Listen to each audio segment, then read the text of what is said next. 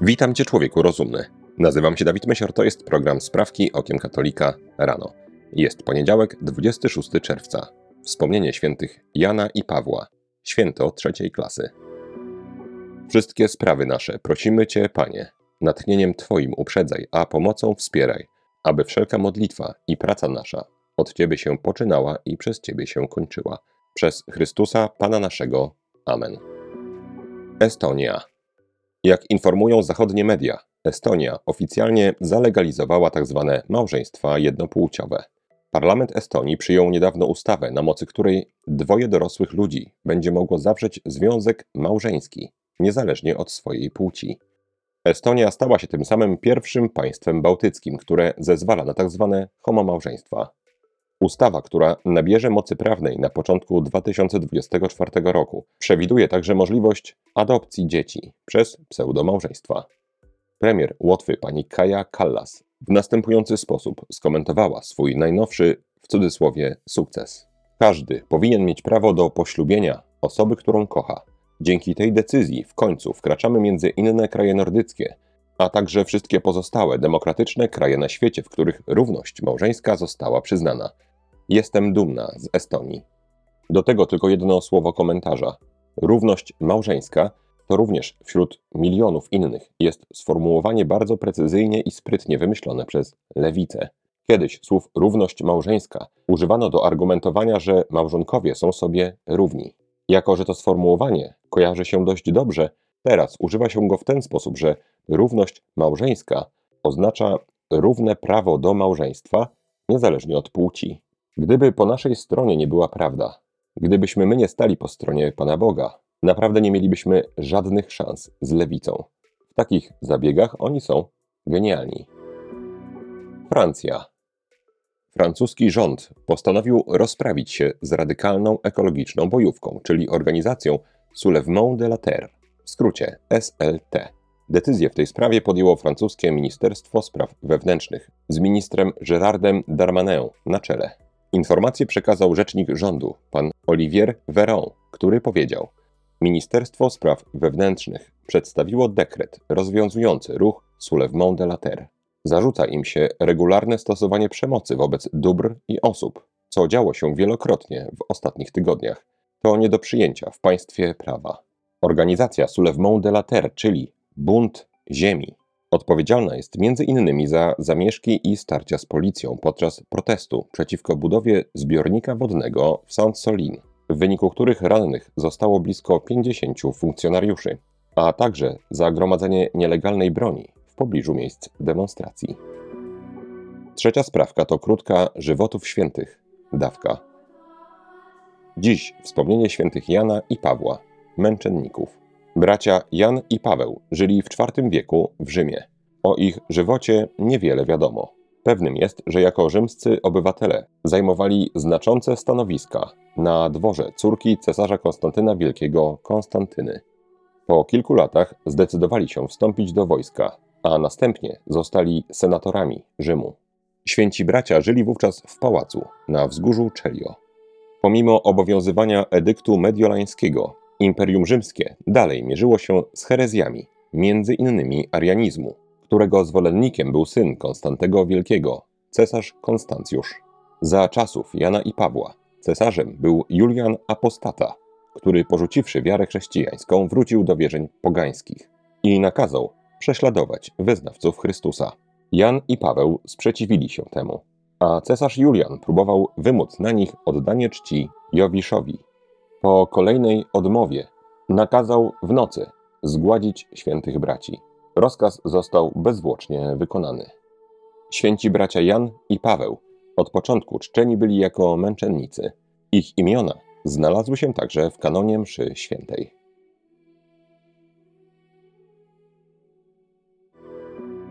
Watykan.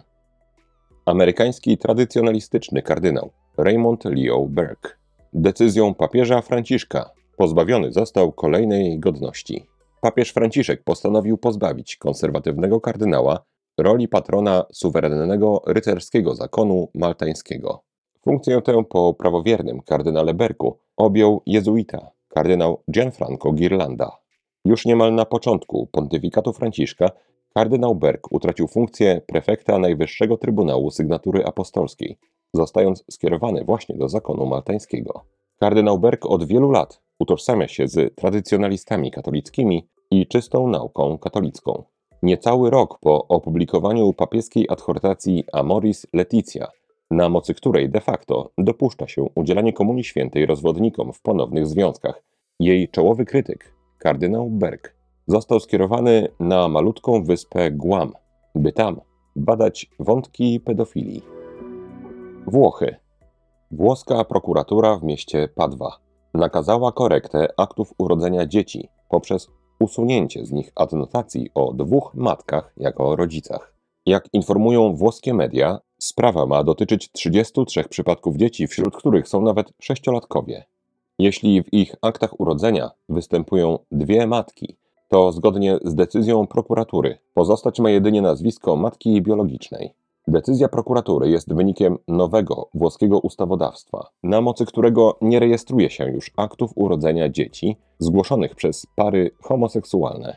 Pomimo tego niektórzy włodarze miast, jak na przykład burmistrz Rzymu, czy właśnie burmistrz Padwy, nie zamierzają zaprzestać tego procederu.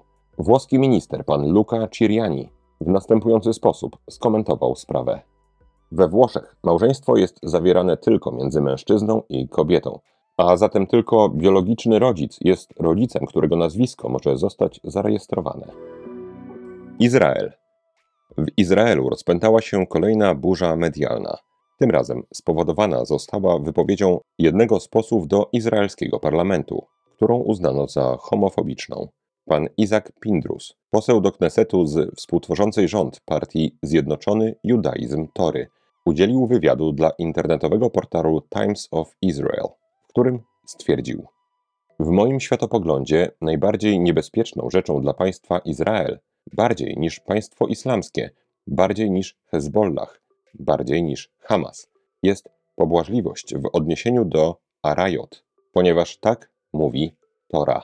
Arajot to słowo na określenie niedozwolonych związków.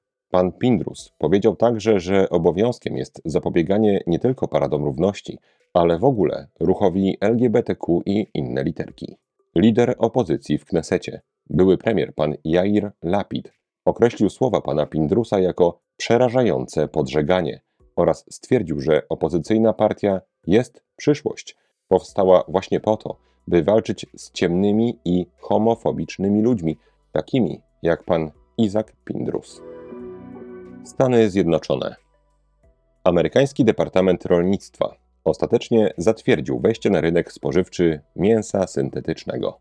Wcześniej taką decyzję rekomendowała Agencja Leków i Żywności. Stany Zjednoczone stają się więc drugim, po Singapurze, państwem na świecie, w którym konsument może uraczyć się sztucznym mięsem. Na ten moment jedynie dwie kalifornijskie firmy, Upside Foods oraz Good Meat, otrzymały pozwolenie na sprzedaż tej wspaniałej laboratoryjnej papki. Przedstawiciele firm twierdzą, że mięso syntetyczne jest mięsem prawdziwym, ale powstałym dzięki rozmnożonym komórkom zwierzęcym, a przede wszystkim ograniczającym zużycie wody, a tym samym mięsem ekologicznym. Pan Josh Tetrick, dyrektor firmy podległej pod Good Meat, powiedział: Zamiast wody, która jest używana do karmienia wszystkich tych zwierząt, które są poddawane ubojowi, możemy wytworzyć mięso w inny sposób. Polska na terenie parafii świętego Jana Nepomucena w Chwałęcicach na terenie archidiecezji katowickiej po raz kolejny została odprawiona tradycyjna msza święta. Tak przynajmniej ktoś ją nazwał. Mowa bowiem nie o prawdziwej, tradycyjnej mszy świętej, czyli tzw. Tak mszy trydenckiej, ale o czymś y, trochę bardziej medialnym. Jako tradycyjna msza święta została przez lokalne media opisana msza na wodzie – jaką na Zalewie Rybnickim odprawia się rok do roku od 15 lat. Organizatorzy tego wydarzenia mają swoje własne rozumienie sakrum i przepisów liturgicznych. Ustawiają bowiem drewniany podest na dwóch kajakach, a na nim stawiają drewniany stół. Pomysłodawca wydarzenia, ksiądz Grzegorz Jagieł, podsumował swój pomysł w następujący sposób. Tysiące osób, które gromadzą się co roku na tej wyjątkowej mszy świętej, pragną przeżywać Eucharystię która nawiązuje do czasów ewangelicznych, kiedy Chrystus nauczał z łodzi na jeziorze Genezaret. Mój drogi słuchaczu, Wybacz mi ten komentarz. Być może odrobinę emocjonalny. Niektórym ludziom naprawdę odbija. Natomiast nazywanie tego w mediach myszą tradycyjną uważam za świadomy, wprowadzający zamęt, zabieg. Ostatnia sprawka to krótka rozprawka. Dziś o wolności słowa. Mój ostatni piątek wyglądał tak, że o 7.30 rozpocząłem pracę nad ukazującym się właśnie w piątki programem Sprawki Okiem Katolika. Pracowałem w skupieniu i bez przerwy do godziny 16, o której zjadłem pierwszy posiłek, i następnie do 20.20, o której zakończyłem pracę nad odcinkiem. Premierę filmu ustawiłem na 21. Udało mi się obejrzeć materiał razem z widzami. Dokładnie w chwili zakończenia premiery dostałem powiadomienie, że YouTube usunął mój film, gdyż, uwaga, zagraża on bezpieczeństwu dzieci. Platforma ta nigdy nie podaje więcej szczegółów. Czasem łaskawie wskaże moment w filmie, który wzbudził rzekomą wątpliwość. I tym razem wskazano 36 minutę filmu, której pokazane są dorosłe aktywistki klimatyczne, niszczące obraz Moneta. W YouTube nie istnieje żadna komórka, do której można się zwrócić z zapytaniem, w jaki sposób pokazanie tego happeningu ekologistów zagraża bezpieczeństwu dzieci. Dla YouTube sprawa jest zakończona. Muszę przyznać, że było to dość osobliwe uczucie po 14 godzinach nieprzerwanej pracy. W reakcji swój film umieściłem na platformie Rumble oraz bezpośrednio na Twitterze. Na Facebooka się nie zdecydowałem. Jeżeli YouTube znalazł problem, Facebook znajdzie jeszcze większy i mogę stracić swoje konto. Warto też wspomnieć, że w najbliższych dniach otwieram konto na polskiej platformie Banbay. Co myślę o tej sytuacji? Czy ktoś pogwałcił moją wolność słowa? Czy to według mnie jest oburzające?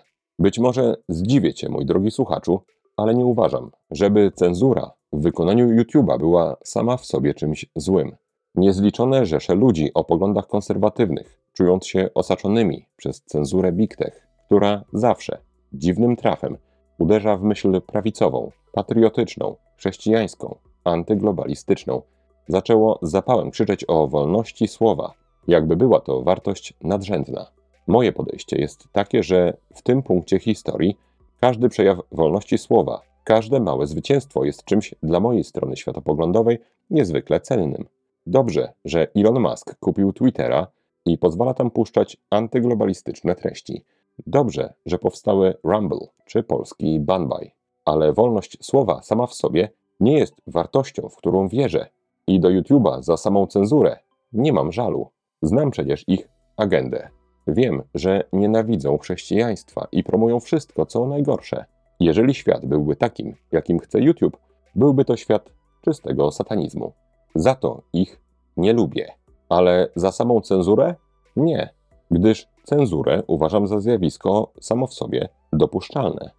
Gdyby sytuacja się odwróciła, gdybym powiedzmy został właścicielem YouTube'a, czy wprowadziłbym tam wolność słowa? Czy gdyby pojawił się YouTuber z programem Sprawki okiem neomarksisty i wykładał ludziom, że Freud miał rację, że Ziemia się kończy, że prawa zwierząt, lub przenosząc się do kościoła, że na przykład Taillard de Chardin to bardzo mądry człowiek, a tak w ogóle to jest Bóg w czwórcy jedyny. Czy przez wzgląd na wolność słowa miałbym pozwolić tym treściom sączyć się do głów ludzi? Cenzurowałbym na potęgę. Wolność słowa jest wolnością do ogłoszenia prawdy, podobnie jak każda inna wolność jest wolnością do dobra, nie do głoszenia czy czynienia wszystkiego, co się chce. Skoro świat pozwolił firmom Big Tech stać się ponadnarodowymi potęgami i niemal cały oddał się w ich ręce, to kto przy zdrowych zmysłach oczekuje, że ci nowi władcy świata pozwolą katolikowi mówić co zechce w YouTubie czy Facebooku? Problemem jest ich stanięcie po stronie zła i fałszu, a nie cenzura sama w sobie. To na dzisiaj wszystkie sprawki okiem katolika rano. Jeżeli chcesz mi pomóc, daj proszę łapkę w górę pod tym filmem na YouTubie i napisz komentarz. Jeżeli chcesz wspomóc zespół Sprawek Okiem Katolika, najmniejszą chociaż kwotą, bo przypominam, że na YouTubie są istne cyrki z zarabianiem, to szczegóły jak można to zrobić znajdują się w opisie tego odcinka. Życzę Ci błogosławionego dnia. Święci Janie i Pawle, módlcie się za nami. Człowieku rozumny, trzymaj się, nie łam się i bardzo Ci dziękuję za Twój czas. Mam nadzieję, że do usłyszenia jutro. Zostań z Panem Bogiem.